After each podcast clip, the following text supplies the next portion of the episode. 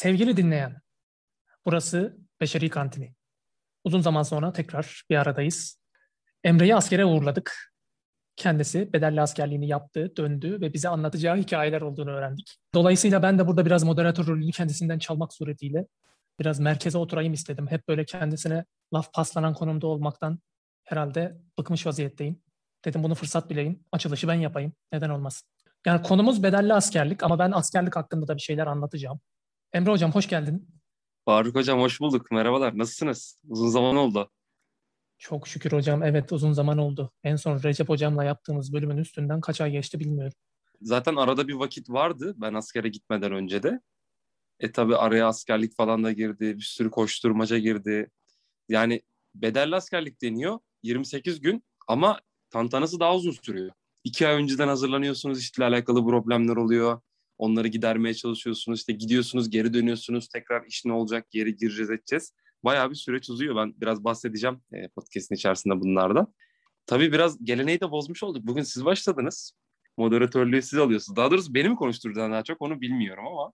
Yani evet, senin ne kadar sudan çıkmış balık halinde olduğunu bir sen bir siz diye hitap etmeler arasında geçiş yapmandan anlayabiliyorum zaten. Daha sen adapte olamadın. Unutmuşsun belli ki formatı normal olabilir. Çok yeni bir şey deniyoruz.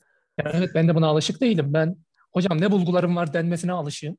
Ee, o yüzden seni bu konuma koymak benim için de garip oldu ama epey bulgu topladım ben askerlik hakkında bulabildiğim. Konuşabilirsin yani şey yok aramızda. Sonuçta bu podcast bizim için biraz böyle günlük usulüne döndü. Bence bu askerlik meselesine geçmeden önce, e, şimdi ben bu podcast'te oturmadan önce biraz dışarı çıktım geldim bir. Bir 15 dakika yürüdüm. Bir yandan da podcast'leri dinliyorum. Diğer bölümlerden hani ne yaptık, ne ettik. Orada aklıma geldi ya bir buçuk sene falan olmuş biz neredeyse bu işi yapalım. Yani hiç az bir sürede değil baktığın zaman. Biraz bunun üzerine aslında başlangıçta konuşmak istiyorum ben. Bende ne gibi bir hissiyat oluşturdu.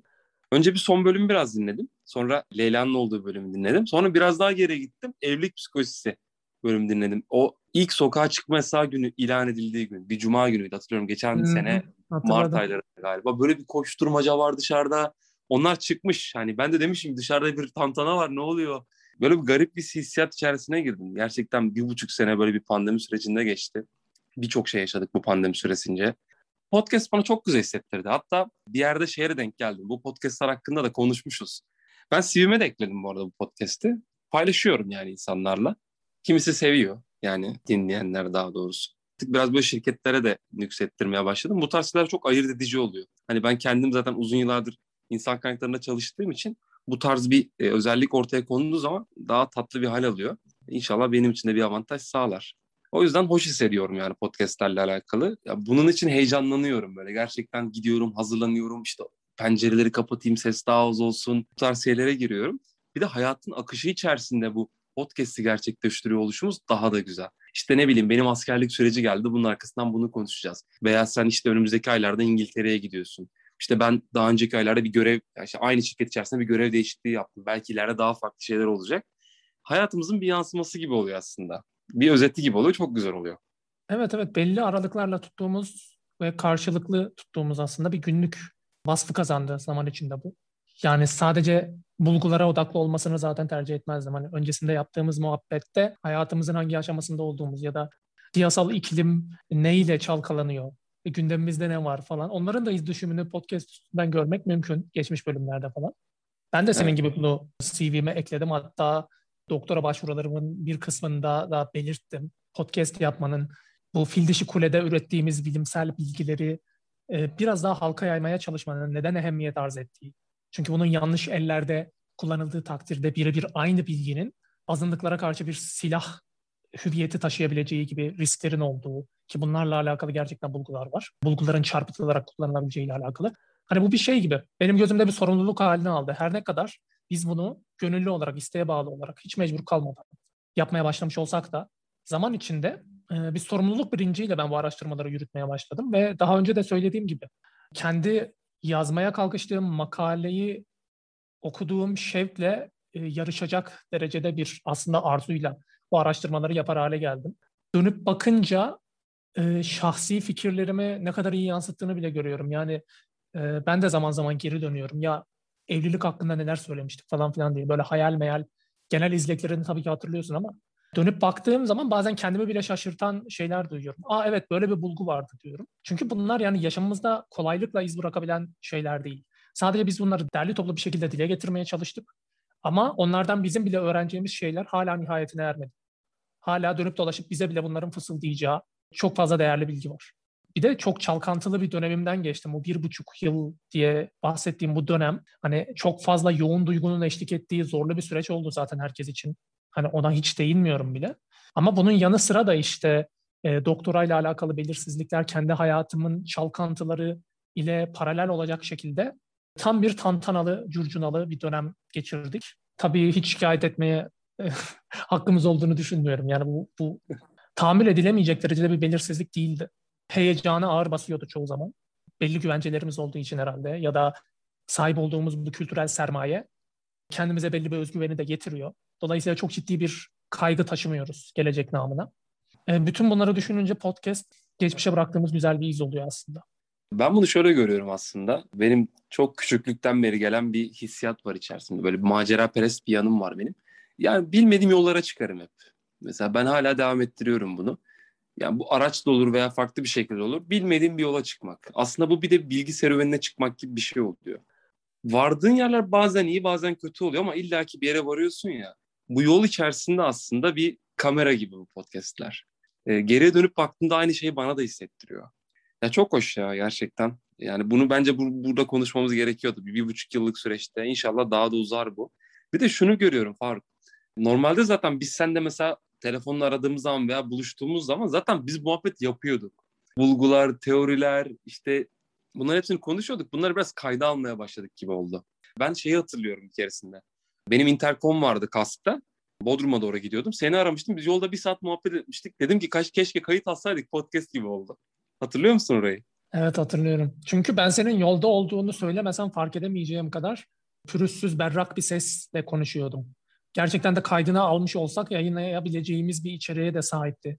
Motorla alakalı bilmediğim şeyler öğrendiğim enteresan bir gündü benim için. ya motorun sadece şey o hissiyatıyla işte alakalı ve direkt yolda olan birinden bunu dinlemek e, ben bu nasıl yürüyerek düşünmüştüm biliyor musun? Şeyde mesela şimdi hadi burada reklam sponsorluk almıyoruz ama ben adını vermiş olayım. Gain diye bir şey çıktı son zamanlarda duydun mu?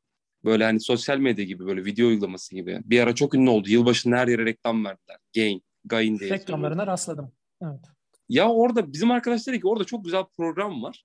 Engin Günaydın'dı galiba. Engin Günaydın'da biri daha var yanında. Moda sahilde yürüyorlar abi. 10 dakika boyunca hiç kesmiyor kamera. Yürürken muhabbet ediyorlar bunu çekmişler. Ama o kadar tatlı ki. O yürüyüş muhabbeti vardır yani insan böyle yürüdüğü zaman muhabbet edersin. Bir akışı vardır. Onu kaydetmişler. Aslında bu motosiklet üzerinde veya arabada yapılan muhabbet de onun gibi geliyor bana. Tabii daha güvensiz yürüyüşe göre. Bugün de aklıma geldi. Hani böyle aslında bir hata kaza yan yana gelebilsek biraz böyle yürürken işte bir video çekelim bir yandan da konuşa konuşa gidelim. Çok doğal yani çünkü baktığın zaman. Biri bizi gözetliyor tarzı programların vakti zamanında çok rağbet görmese de biraz bu gündelik hayatı yansıtabilmesinden de yani dedikoduya düşkünlüğümüzün payı da var tabii de. Ya Engin Günaydın'da o bahsettiğim program şey gibi görünüyor. Hani bunun çok daha kontrollü ve yalıtılmış koşullarda yaşanmasını e, gösteriyor bana. Evet, evet. Hani yürüyerek bunu yapabiliriz ama ben bu bölümlerde anlık yaptığımız muhabbetin ötesinde bir takım bulguları da işin içine kat, katma arzusu duyduğum için önümde ben bu kağıt olmadan muhtemelen gönül rahatlığıyla aynı konuşmayı sana yapamam. Hayır tabii ki yaparım. Ama tabii bir şeylerin ki. eksik kalmış olduğu hissiyatını konuşmanın sonunda hissetmekten kendimi alıkoyamam gibime geliyor. Hı hı. Ya çünkü derim ki ya biz bunları konuşuyoruz ama gene atıp tutuyoruz yani belki bu konuda yapılmış bir şey var ve bizim haberimiz bile olmadı. Aforizma yapıyoruz yani.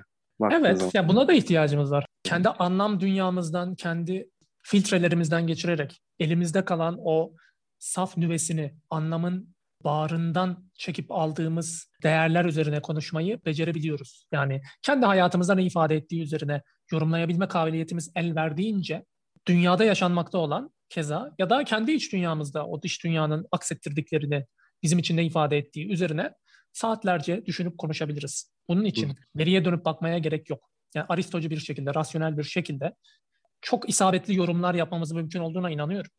Ama bunu zaten bizi dinleyen kitlenin büyük kısmının rahatlıkla yapabildiğini bildiğim için ya kimsenin aklını burada sorgulamaya açmıyorum. Ya sorgulamaya açtığım bir sürü bulgu var belki burada ama bunlardan biri dinleyenlerin aklı zekası değil.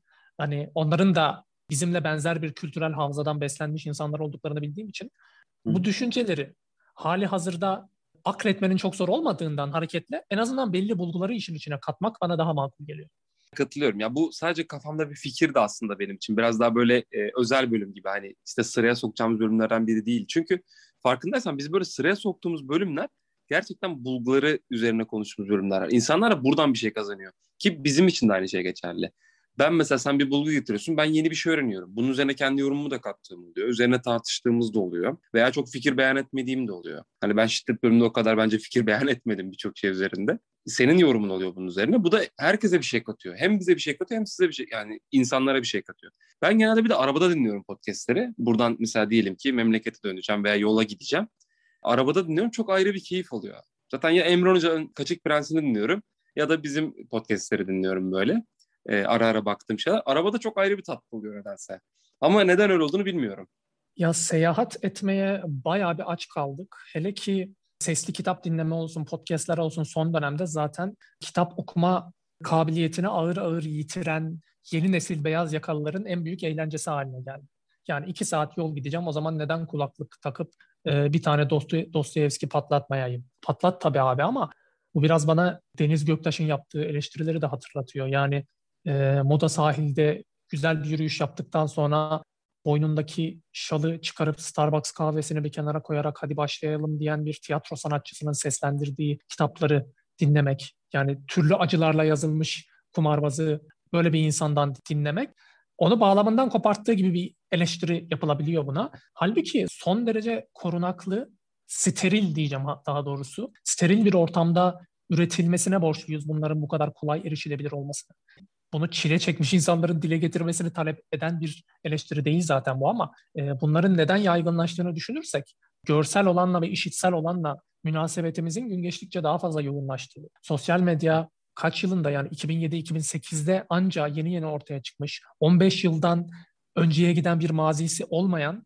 ancak yokluğunda hayatın nasıl olduğunu artık hayal etmekte zorlandığımız uygulamaların bizim dikkat eşiğimize verdiği zararın bir ürünü aslında bizim bu işitsel olana rağbet etmemiz. Yani evet. kendi kendi haline bıraksam oturup bir saat kitap okumaya tahammül edebiliyor musun Allah aşkına? Ben beklemem. Kendimdeki değişimi bile gözlemliyorum. Yani devamlı makale okumakla mükellefim. Onun dışında kendi yaptığım okumalar bile bu kadar büyük bir zarar görmüşken benim gibi bu işe hani baş koymuşçasına ortaokuldan beri dediler gibi okumayan bir insanın niçin zorlandığını hayal etmekte ben hiç zorlanmıyorum. Çok güzel bir yere dokundun. Ben buradan direkt askerliğe bağlayayım. Çünkü çok bu, bu konu bu konulara çok farklı deneyimler yaşadım. Yani hayatımda belki bir daha hiç yaşamayacağım deneyimler yaşadım. Hadi insanlardan şey eleştirileri geliyor. Hani ya bir askerlik yaptınız öyle askerlik mi olur? Ben burada askerlik yaptığıma dair değil. Zaten insanlar işte 18 ay yapanlar var. Daha önce 2 yıl yapanlar var. Benim denen 4 sene yapmış mesela falan. Hani böyle şeyler var. Ama ben zaten şey için bedelli askerlik yaptım. Ben burada çalışıyorum. Zaten bir e, aslında vatan hizmet yapıyorum, ihracat yapıyorum yani şirket olarak. Bu işten uzak kalmamak için yaptım. Daha doğrusu belki de işten ayrılmak durumunda kalacaktım. Bunun için yaptım aslında. Beş ay daha gitmemek için. Ki zaten insanların kafasında yanlış bir algı var. Ya bir ay gidiyorsun, yani sen aslında askerlik yapmıyorsun değil. Sen aslında sadece bir ayla askerlik yapıyorsun. Biz ilk gittiğimizde bize dediler ki normal askersiniz yani. Sadece bir ay acem birliği yapacaksınız. Beş ay usta birliğini yapmayacaksınız. Bir aylık sürecin yani işte bu sosyal medyadan, teknolojiden uzak kalmanın, işte bir emir komuta zincirine girmenin bunların insanda yansıttığı şeyleri neler yaşattığını anlatacağım. Sen de bunların tabii haliyle psikoloji literatüründe bir karşılıkları var mı onlardan bahsedeceksin. Ben birkaç tane Abi, gördüm. Dur, dur, yavaş lütfen yavaş gir. Çünkü biliyorsun genel alışkanlığımız şu şekilde cereyan ediyor. Ee, ben önce genel bir çerçeve çizmekle mükellefim. Ben bunu çizmeden lütfen sen anlatacaklarına girme. Tamam hadi bakalım bugün moderatör sensin. Sana bırakıyorum hadi. Tamam ben çünkü biraz böyle moderatörlüğü almaya çalışıyorum. Buradan gideceğim. Evet evet sabote edilmeye çalışıyorum. Tamam, ben bu statüyü kapmışım sana kaptırmam yani. Önümüzdeki Harbi, sen, saat... sen kitap gibi adamsın. Sen okunacak adamsın oğlum. Ya yok aslında gerçekten genel bir çerçeve çizdiğimiz takdirde onun üzerine inşa etmek bizi daha tutarlı bir yola sevk edecek. Onu bildiğim için ben genel bir giriş yapmak istiyorum. Uzun dönem ve bedelli kıyaslaması yapan e, çalışmalara da değineceğim. Sen Orada genel bir çiz. Sonra ben neler yaşadım, neler oldu, nasıl bir deneyim yaşadım e, özellikle. Hani ben daha çok askerliğe dair değil de bunların işte normal günlük hayatımızdan koptuk. Böyle bir steril bir ortama girdik. Bu nasıl bir karşılığı oldu? Bundan bahsedeceğim aslında daha çok. Tamam hocam sen başla. Ya başlangıç olarak aslında istifade ettiğim kaynakları kaleme almış hocalarımıza e, bir şükran sun, sunmak lazım evvela. Özellikle de benim YÖK tezden ulaşabildiğim, bedelli askerlik yazınca çıkan, herkesin de erişimine açık olan, isteyen herkesin erişebileceği e, tezleri kaleme alan hocalarımıza yani Salih Yıldırım ve e, bakayım Elif 29 hocamız so, bir sosyoloji tezi bayağı istifade ettim bundan. Toplumsal cinsiyet bağlamında erkeklik üzerindeki bedelli askerlik algısının sosyolojik analizi isimli bir tez yazmış Elif hocamız. E, burada yaklaşık 20'şer uzun dönem yapmış ve bedelli yapmış kişilerle e, yaptığı görüşmelerden aslında çalışmayı e, niteliksel bir analizle gerçekleştirmiş. E, ve değme teze bence taş çıkaracak e, kalitede bir iş olmuş. Hani oradan bayağı bir alıntı yapacağım. Baştan bunu belirtip dolaylı da olsa bir teşekkür sunmak istedim. Şimdi. Teşekkür ediyoruz. aslında her şeyden önce askerliğin çok bizim en temel düzeyde ilkel ihtiyaçlarımızı kurumsal düzeyde gidermeye yönelik bir kurum olduğunu söylemek dahi mümkün. Yani bu herkesin aşina olduğu Maslow'un ihtiyaçlar hiyerarşisinin en temelinde yer alan güvenlik ihtiyacımızı e, yerine getirmenin, bu bireysel ihtiyaca kolektif düzeyde karşılık gelen ve devlet üzerinden e, örgütlenmesi sağlanan e, bir kurum askerlik. Mesela Osmanlı'da bedelli askerlik bildiğimiz, bugünkü bildiğimiz manada varmış. Yani parasını ödemek suretiyle yapılan. E, bana şaşırtıcı gelen kısmı daha çok bu olmadı. Hani mesela çiftliği olan, tarla sahibi olan belli ürünleri vermek suretiyle yani bir nevi takas yapmak suretiyle de askerliğin bedelini vermiş sayılabiliyor. Daha da önemlisi kölen varsa bu kölenin de böyle bulaşıcı bir hastalığı yoksa şayet senin yerine onu da askerlik yapmaya gönderebiliyorsun. Ee, güzel bir imtiyazmış kölesi olanlar için vakti zamanında ki ya o zamanlar askerlik 5 yıl falan. Ee, yani bedelli askerlikle alakalı çünkü arama yaptığım zaman Osmanlı'da ve Türkiye Cumhuriyeti tarihinde bir e, Cumhuriyet tarihinde herhalde bir 7-8 tane belli başlı örneği var. Bunun dışında yabancı ülkelerde çok fazla örneğinin olmadığını görüyorsun. Yani bunun İngilizce çevresi üzerinden de baktığım zaman Türkiye dışında çok bir örneğine rastlayamadım. Askerlikle alakalı genel e, bulgular var tabii elimde ama bedelli üzerine yapılmış çok az çalışma var. Çünkü bedelli çok nadiren e, çıkarılan bir yasa dahilinde kısa süreli olarak genelde olmuş ve bitmiş. Başvurular alınmış ve o defter kapanmış. Bu 2018 yılında çıkarılan yeni yasanın kalıcı olması biraz sıra dışı bir durum. Yani çok yeni bir gelişme aslında. 15 bin liradan başlayıp bugün 35-40'a kadar herhalde uzanan bir bedeli var. Ama e, bunun kalıcı bir opsiyon, her zaman başvurulabilecek bir seçenek haline gelmesi çok yeni bir durum. Bundan önce devletin genelde sıcak paraya ihtiyaç duyduğu koşullarda ki bu ihtiyacını da hiç saklamaksın e, dile getirerek talepte bulunduğu koşullarda ortaya çıkıyor. Ya 98'de mesela Adana depreminde böyle bir ihtiyaç olmuş. Dönemin hükümetinin bedelli askerlik çağrısına çıkmasının temel nedeni olarak zaten hükümet yetkilileri bunu dile getirmiş vesaire. Ee, şimdi aslında senin dile getirdiğin vatana hizmet etme kavrayış biçiminle uzun dönem yapanların arasında ciddi bir gedik açılmış durumda olduğunu ortaya koyuyor. Az önce andığım sosyoloji tezi. Çünkü askerlik bir ayda kalsan, altı ay veya bir yılda kalsan üretimden kopuş anlamına geliyor aslında. Gayri safi milli hasılaya yapabileceğin e, ya senin şirketinde çalışan insanlara tesir etmek suretiyle yapabileceğin o katkı, o somut veya soyut düzeydeki bir üretimden alıkoyman ve sadece ve sadece tüketici vasfı kazanman, kolluk kuvvet, güvenlik kuvvetlerinin bir parçası haline gelmen anlamına geldiği için ve günümüzde de bu da çok makbul bir yaşam biçimi olmadığında yani hayatımızı sürdürmemiz, mesleğimizi merkeze aldığımız bir yaşamı örgütlemek, bu doğrultuda yaşamak zorunda olduğumuz için günümüz şartlarında e, ister istemez üretime katılmak vatana hizmet etmenin temel göstergesi olarak kavranıyor bedelliye gidenler tarafından. Bu mukayeselere tekrar değineceğim ama şöyle bir tezat çok berrak bir şekilde ortaya çıkıyor. Ee, üretmek, çalışmak, ülkesine katkı sağlamak artık vatan sevgisinin temel koşulu olarak kavranıyor bu insanlar üzerinde. Çünkü bu insanlar devamlı teşhir tahtasına konulmaya çalışıyorlar. Yani bedelliden, bedellinin gerçek askerlik sayılmayacağı şeklinde uzun dönem yapanlar tarafından eleştiriliyorlar. Buna cevap olarak e, vatan sevgisi anlayışının yıllar içerisinde nasıl değiştiğinin hikayesini de göreceğiz. Şimdi bu hikayeye başlamadan önce aslında bir erkek çocuğunun hayatının en önemli aşamaları nedir diye mikrofon uzatsak bu ülkede yaşayan insanlara e, muhtemelen sanıyorum yüzde doksanı belki daha fazlasının askerliği anmama ihtimali yoktur. Yani askerliğini yapmayana kız verilmeyeceği şeklinde bir kalıp yargımız da mevcuttur hatta.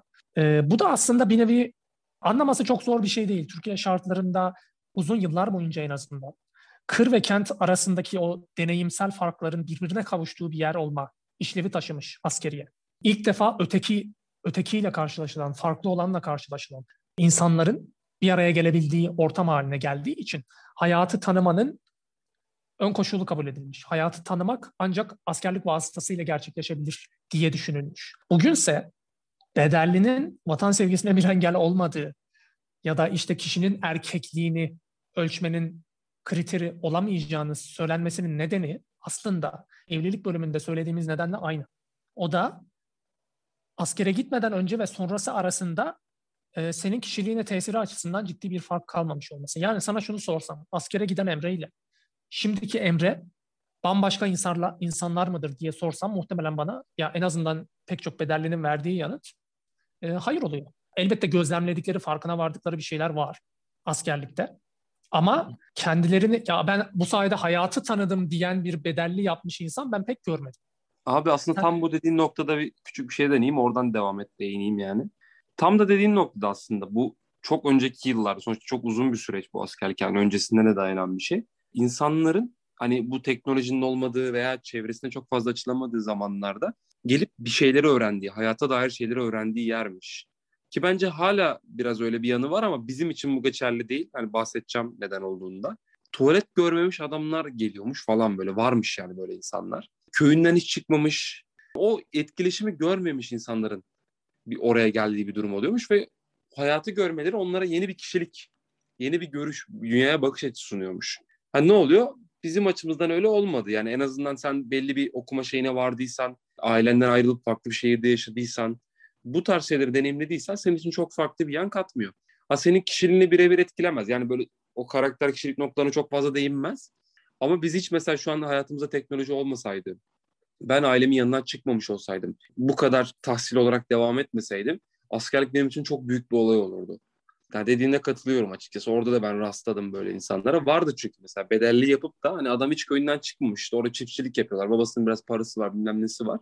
Adam gelmiş bedelliye mesela. Orada kimisi zorluk çekiyor, kimisi çekmiyor. Ki ne kadar kısa olmasına rağmen insanlar çok garip şeyler yaşadılar yani orada. Ben gördüm en azından. Benim de farklı bir stilim oldu hani bu o zamanın geçmesine dair. Ben oralara şimdi çok girmeyeyim. Sen devam et istersen. Evet evet askerliğin o özel haline, o askerlik psikolojisine de değineceğim zaten. Sadece bunu bir en baştan teyit etmek istedim. Hani çünkü belki de ben çok e, temsili olmayan kişilerden mi bunu duydum diye ama zannetmiyorum yani e, giden pek çok insan benzer yorumlar yapıyor senin gibi. Ben genel girişimi tamamlamak adına bir ülkeler arası farklara da kısaca bir değineyim. Aslında fark demek çok doğru değil. Yani askerlik oranlarına vesaire baktığımız zaman günümüz dünyasında e, yıllardır devam ede gelen bu erkeklerin ülkeyi savunma görevini icra etmesi durumunun artık alan değiştirmeye başladığını. Hani siber alanda her gün gerçekleşen sıcak savaşlar mevcut mesela. Online komüniteler içerisinde hani internet alemi üzerinden e, hükümetlerin, istihbarat servislerinin vesaire birbirleriyle sonu gelmez bir çekişme halinde olduklarını zaten biliyoruz. Dolayısıyla bu savaş artık çoğu zaman dışarıya outsource edildiği şey gibi Apple'ın e, çocuk işçiliğinden faydalanması gibi dışarıdaki ülkelerde ve bizim bunu bilmemize rağmen bu ürünleri kullanmaktan imtina etmememiz gibi e, savaşları da dış ülkelerin belli yönlerine hala sömürge savaşlarının uzantısı olarak devam eden az sayıda e, sıcak savaşın devam ede geldiği bir dünya içerisinde yaşadığımız için bu küresel köy deyiminin de gerektirdiği şekilde bütün bunların eş zamanlı olarak anlaşılabileceği her ne kadar anlamak çok zor olsa da en azından takip etmenin mümkün olduğu koşullarda yaşıyoruz. Yani savaş teknolojileri artık böyle bir sinek boyutunda dronların var olduğu, kimi istihbarat teşkilatlarının elinde böyle imkanların olduğu falan da söyleniyor. E, zaten drone saldırılarının gırla gittiğini biliyoruz. Özellikle Obama döneminde çok fazla bu tarz saldırı yapıldı. Her ne kadar Obama'nın kişiliği buna inanmamıza çok müsaade etmese ya da biz bunu daha muhafazakar bir liderden bekleyecek olsak bile Amerikan bürokrasisinin genel e, eğilimleri, genel dış politikası değişmediği için e, bu alanlarda bunları görüyoruz. Askerliğe geleyim. Tabii ki sahaya sürdüğümüz bu botları yere basmak dediğimiz bir ifade var İngilizce'de. Hani doğrudan sahaya asker sürme gerekliliği çoğu zaman zaten iyi bir diplomasi yürüten devlet için gereksizdir. Gereksiz bir insan kaybıdır.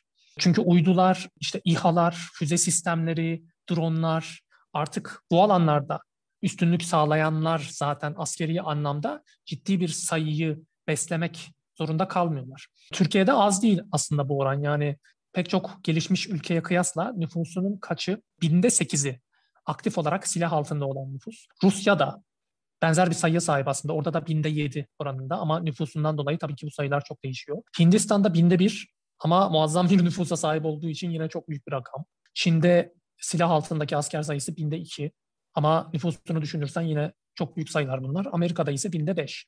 Tabii ya ister istemez askerliğe çok temas etmemiş, üniversitenin içerisindeki o özgürlük havasını da teneffüs eden insanlar olarak orduların lağvedilmesi, artık savaşların bu kadar azalmış olduğu bir çağda yaşarken bütün bunlardan el ayak çekmenin mümkün olup olmadığını da zaman zaman sorguluyoruz ya. Devletlerin kendi kurumsal hafızaları var ve geçmişlerine sahip çıkmanın bir gerekçesi olarak adeta bu savaşları sürdürüyorlar. Sadece güvenlik ihtiyacı değil bu. Kültürel olarak da bu düşmanlığı sürdürmeye ihtiyacı olabilir kimi ülkelerin. Çünkü sen silah bıraksan, sen ordularını lağvetsen, hepsini dağıtsan yani e, karşı tarafın silah bırakmama ihtimali var. Hani bu caydırıcılık dediğimiz nükleer silah geliştirmenin temel motivasyonu olan şey de burada söz konusu. Karşı tarafın silah bırakmayacağının bir garantisi olmadığı için devlet de adeta kendisini savunmak isteyen bir organizma gibi hareket etmek zorunda. Yani zaten büyük ölçekte biyolojik terimlerle konuşacak olursak aslında devleti de bir organizmaya benzetmek gayet mümkün. Yani hayatta kalmak için tedbir alıyor aslında kendi hayatını idame ettirmek için. Şimdi son yıllarda nasıl ki uyuşturucuyla mücadele kapsamında polis teşkilatı devletin nüfuz ettiği sınırları çok geliştirmesine yol açtıysa, aynı şekilde ulusal güvenlik namına terörle mücadele altında da askeriye benzer bir yetki genişlemesi ne e, doğru ilerledi demek mümkün. Tabii bunlar içsel olarak güvenlik ihtiyacını gidermeye hizmet eden bir noktadan doğmuş olsa bile günümüzde hiçbir kurumun bunu temel bir motivasyon olarak gördüğünü söyleyemeyiz diye düşünüyorum. Yani çünkü doğrudan odak noktasında e, mücadele edilecek bir suç unsuru vardır. Bu uyuşturucu olur, terör olur. İster istemez şunu aklımdan geçiriyorum. Bu devletin e, müdahale ettiği alanları genişlettiğini düşündükçe hani kendi özgürlük alanlarımızın kısıtlanması ihtimali de söz konusu olabilirdi. Ama keşke bu farklı alanlardan cereyan etseydi diye düşünüyorum. Mesela sağlıktan örnek verecek olursam bazı antidepresan türlerinin e, hatta şekerin kimi uyuşturuculardan daha fazla bağımlılık yaptığını da biliyoruz bugün. Ama şekerle mücadele diye bir birim yok. Ya da antidepresanın belli türleriyle mücadele diye bir birim yok. Ya çünkü devlet neoliberal politikalar gereği zaten ekonomiden son 30-40 yılda çekilmiş olduğu için bu alanı serbest piyasanın insafına terk etmiş olduğu için sağlık alanında da tabii ki el ayak çekmiş durumda. Yani ya şekerin bütün etkileri ve insanların birinci ölme nedeni abi uyuşturucu değil, terör de değil. E, şekerden kaynaklanan kalp damar hastalıkları insanların en çok ölme nedeni. Ama buna dair bir mücadele e, görmüyorsun. Ya Bunun nedenlerine girersem abi. bambaşka yerlere savrulacağım. Şey sadece genel çerçeve için e, buna değindim. Yani Fark, güvenlik dur. ihtiyacı... Moderatörsün, söz vermiyorsun bana. Yarım saatte konuşuyorsun. Araya ben gireyim azıcık.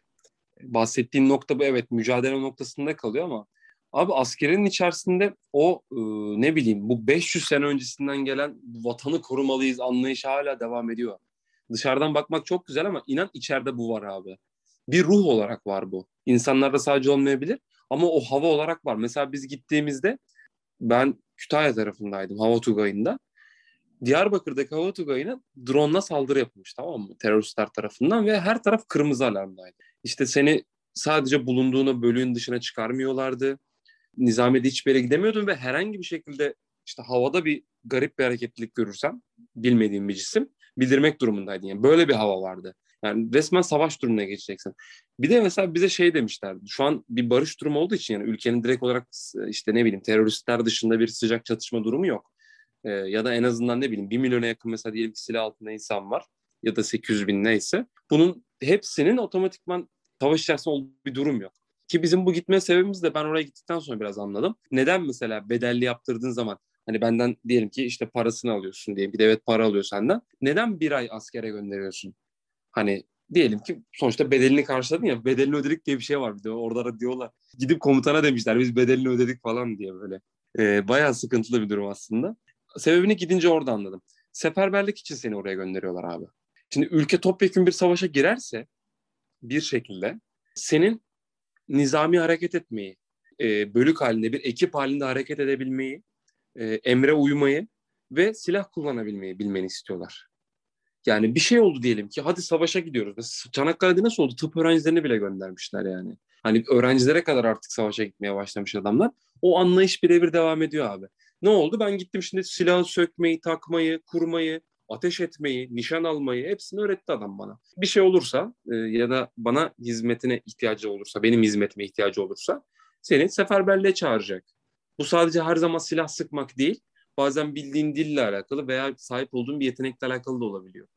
Öyle mi diyorsun? Evet yani ben en azından onu fark ettim. Hatta anlattılar yani bu şekilde. Seferberliğe yazıldık şu an mesela. Bir şey olursa yani diyelim ki biz topyekun şekilde Çanakkale'yi savunmamız gerekiyor. Gidiyorsun. E ben şu an silah kullanmayı biliyorum yani. En azından bu silahın işte nasıl temizlendiğinden, nasıl doldurulduğundan, nasıl sıkıldığından, nasıl nişan alındığından bunları biliyorum. Ki bunlar da çok savaşta çok temel şeyler. Bilmen gereken şey. Veya bu nizami hareket edebilme olayı. İşte ne bileyim adam sana işte o sayı alma, birlikte bir yere hareket edebilme, ya yatma kalkma eğitim veriyor. Onda bile bir mantık var. Başta çok şey geliyor insana. Ya bu ne falan diyorsun ama o mesafe kat edebilme. Sadece mesela yatıp kalkarak mesafe kat edebilme. Adam sana savaş eğitimi veriyor aslında orada baktığın zaman. Temel savaş eğitimi veriyor. Hani onunla gidip savaşamazsın ayrı konu ama en azından devletin mantığı buymuş gibi geldi bana. Ya evet, devlet böyle bir mantık gözetiyor olabilir de. Senin sıkacağın kurşuna gerek kalacak düzeyde savaş şartlarının ortaya çıkma ihtimali o kadar o kadar düşük ki ben bunun buna bir arka planda gerekçe sağlamak dışında bir işlevi olduğuna inanmıyorum. Ya bu arada şey bu bir aylık eğitimin var olup olmaması gerektiğini sorgulamıyorum. Ee, var olmasına dair bir problemim de yok. Yani insanların gündelik hayatının konforundan çıkıp da böyle bir ortamı görmeye de ihtiyacı olabilir. İnsan duasının nelere müsaade edebileceğine dair çok fazla bilgi veriyor bize. Askerlik karşı çıktığım bir şey değil yani. Bilakis ihtiyaç olduğunu da gayet iyi bildiğim. Hele ki Türkiye'nin coğrafi şartları itibariyle ihtiyaç olduğunu asla sorgulamadığım bir kurum aslında. Ama aklıma şeyi getirdim bu yaptığın yorumda. Emrah Sefa Gürkan var. Tarih hocası, akademisyen. YouTube'da çok meşhur oldu. Neden bütün bu askerler böyle her Türk asker doğar tarzı sloganlar atıp duruyorlar diye sordukları zaman e ne diyecek adamlar? Disko disko partizane diye mi bağıracaklar? Tabii ki de birlik olmak, motive etmek, senin o seferberlik dediğin ya dayanışma halini yaratabilmek adına şarkıvari şekilde söylenen sloganların ne kadar işlevsel olduğunu biz asırlardır biliyoruz. Gemiciler de böyle şarkılar söylerlermiş yürek çekerken vesaire. Dolayısıyla o giydiğin üniformanın senin üzerinde böyle bir tek tipleştirici, homojenleştirici bir etkisi olması lazım ki sen orada tipik bir askere dönüşebilesin ve gerektiği noktada vatanını müdafaa edebilesin. Buna Abi senin bütün, buna hiçbir itirazım bütün, yok. Bunu anlıyorum. Ya şey gidiyor senin. Sen orada bir birey değilsin. Hatta şöyle bir e, sistem var. O sana zaten dibine kadar hissettiriyor bunu. Cezalar toplu veriliyor abi. Birine bir ceza verilecekse bütün 300 tane adama veriliyor. Bir şey mi oldu mesela? Biri sigara içilmemesi gereken yerde sigara mı içti? Tamam 300 kişinin işte iki gün sigara içmesi yasak.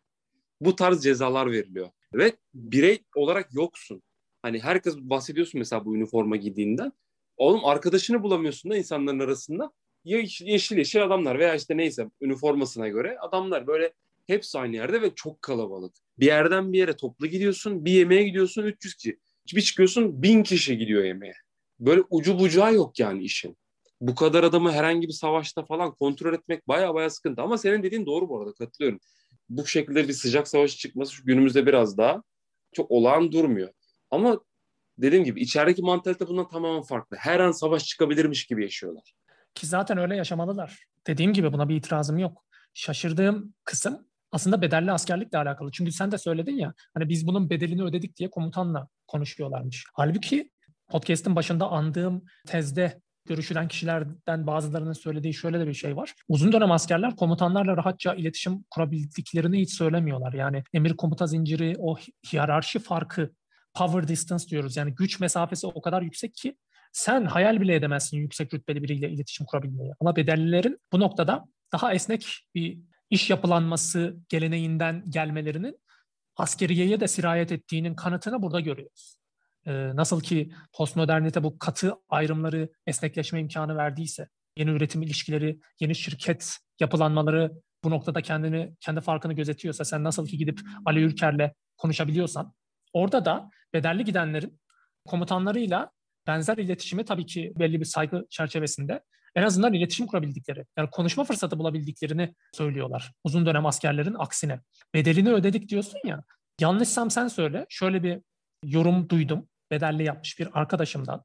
Uzun dönem gidenler senin söylediğin gibi bu vatana ekonomik anlamda katkıda bulunmayı gerçek bir vatanseverlik olarak görmeyip zamanına kıyabilmeyi vatan sevgisi olarak anlayabildikleri için sizlerin ekonomik özgürlüğe sahip olup da zamanınızı satın alma hürriyetinizden rahatsızlık duyduklarını ortaya koyan bulgular var. Mesela uzun dönem gidenlerle aynı kışladaysanız şayet karşılaşmalarına engel olacak şekilde kışlanın dizayn edildiğini e, söyleyen bedelli yapmış askerler var. Uzun dönem yapmışlarla evet aynı kışladaydık ama gördüğümüz zaman komutanlar yolumuzu değiştirmemizi söylerlerdi diyor. Çünkü bize salça olacaklar, e, laf atacaklar, belki kavga çıkartacaklar derdi. Hatta nöbet tutarken bir tanesi e, bedelli asker nöbet tutuyor. Oradan geçen bir uzun dönem bağırıyor. Bir nöbet kaç para birader diye. Yani bu bunun gibi bir sürü şey.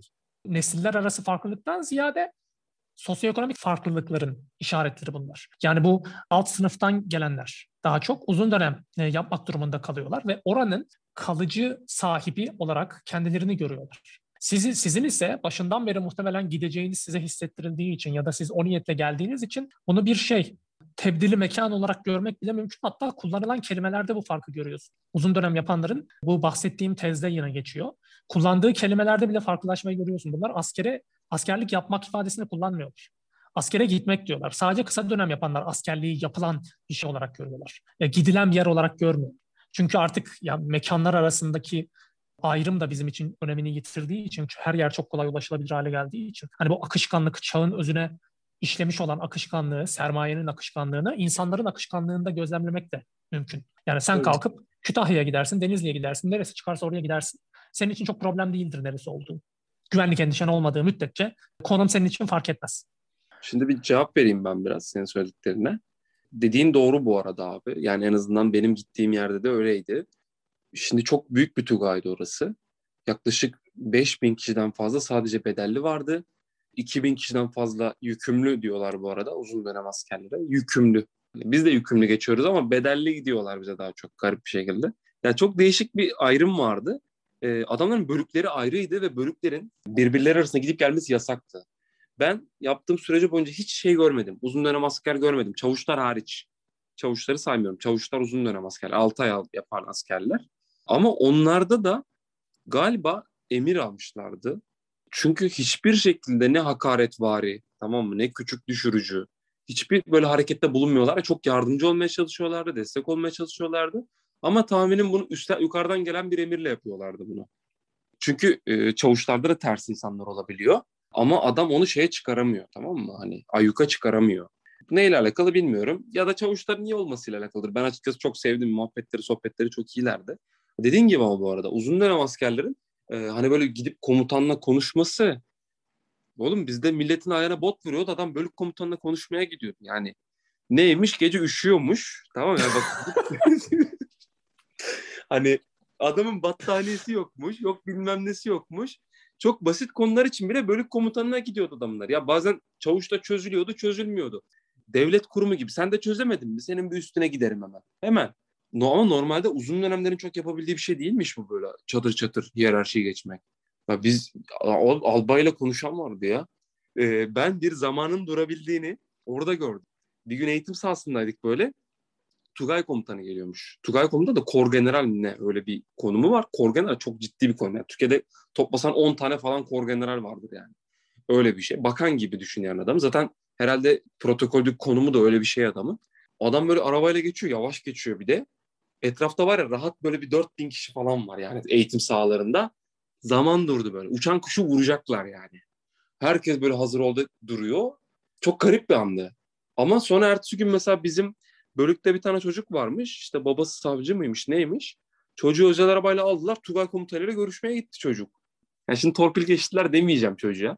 Bu tarz şeyler yaşanıyor da demeyeceğim. Açıkça Allah var her şeye katıldı adam. Çocuk geldi gitti ama sadece biz görüştüğünü duyduk. Böyle bir durum vardı. Ama şey, şey için anlattım bu arada o Tugay komutanı muhabbetinde. Hani adam nerede? Or- orası için nasıl bir konumda? Adam gelip senin şunu diyebilir. Senin askerliğin bitti. Direkt çıkabilirsin oradan. Böyle bir yetkisi var adamın. Veya senin askerliğini uzatabilir. Buradasın der. bir ağzı bir kelimesine bakacak şeyleri vardı. Öyle bir emir etkisi vardı adamın yani. yani. Benim ne kadar gördüğüm üst seviye, benim gördüğüm tüm üst seviye komutanların hepsi ip gibi diziliyordu önünde. O emir komuta dışarıda görsen belki hani ya hani adam sana albayım diyor mesela diyelim ki. Ben albaylık veya albay emeklisiyim. Senin için çok bir karşılığı yok aslında. Albay ne demek? Abi albay yaklaşık hani e, 3-4 tane tabura bakan böyle 4000 kişinin neredeyse sorumlusu ama yüksek konuda bir yani gerçekten yüksek konuda. İçeride askersen karşısında bir albay geldiği zaman gerçekten böyle üç, üç buçuk üç buçuk atıyorsun yani. Onu hissettiriyorlar sana. Rütbe farkının yarattığı o e, sıkı hiyerarşi hissinden kurtulamıyor olsam bile bunun bir münferit vaka olmadığını tahmin edebiliyordum. Yani e, bedellilerin pek çoğu benzer yorumlar yapıyor. Hani rütbelilerle direkt muhatap olabilme imkanı açısından en azından o noktada uzlaşıyorlar. Dediğin gibi olsa bile. Ya da şey diyen var. Yemeklerin çok iyi olduğunu söyleyen var. Ki gittiğin yere bağlı olarak değişiyor herhalde. Çünkü iyi olmadığını söyleyen de var. Ancak duşları oldukça övüyorlar. Herhalde böyle bir imkanı beklemiyorlarmış. Sıcak hı hı. suyla günde iki defa duş alabilme imkanının olduğunu ve kendi evinde bile böyle güzel bir imkandan mahrum olduğunu söyleyen bedelliler de vardı. Mesela o meseleye de değineyim birazcık. Şimdi ben burada uzun dönem askerlik yapmış bizim iş yerinden falan insanlarla da konuştum. İşte haftada bir duş almış olanlar, en az üç günde bir. Bu duş imkanı gerçekten sıkıntılı bir şey. Ya ben bilmiyordum bu arada. Benim hani hava tugayına gitmemle de alakalı olabilir. Çünkü orada da dediler hava biraz daha şey. İşte biz 10 kişilik koğuşlarda kalıyoruz. Yurt gibiydi. İşte sıcak su imkanı falan çok güzeldi. İmkanları çok güzeldi. Yemekler falan muazzamdı. Ben kendi evimde bu kadar et yemiyorum yani yemekler sevilmediği oldu. Olur mu? Olur abi. 5000 kişiye yemek yapılıyor orada. Seni sevmediğin yemek çıkabilir. Ama her şey çok kaliteliydi abi. Gerçekten devlet hani askerine inşallah herkese öyle veriyorlardır. Çünkü işte balı, sütü, süt çıkıyor oğlum kahvaltıda ya. Yani ben hani her zaman içemiyorum evde süt. Ve bunlar hep kaliteli mallar. Hiç öyle kadar alınmış mallar değildi. Vegan bir opsiyon var mı sütte? Nasıl? Sütte vegan opsiyon var mı? Ya vegan yok da abi. Veganlık diye bir şey yok içeride. Öyle bir şey yok.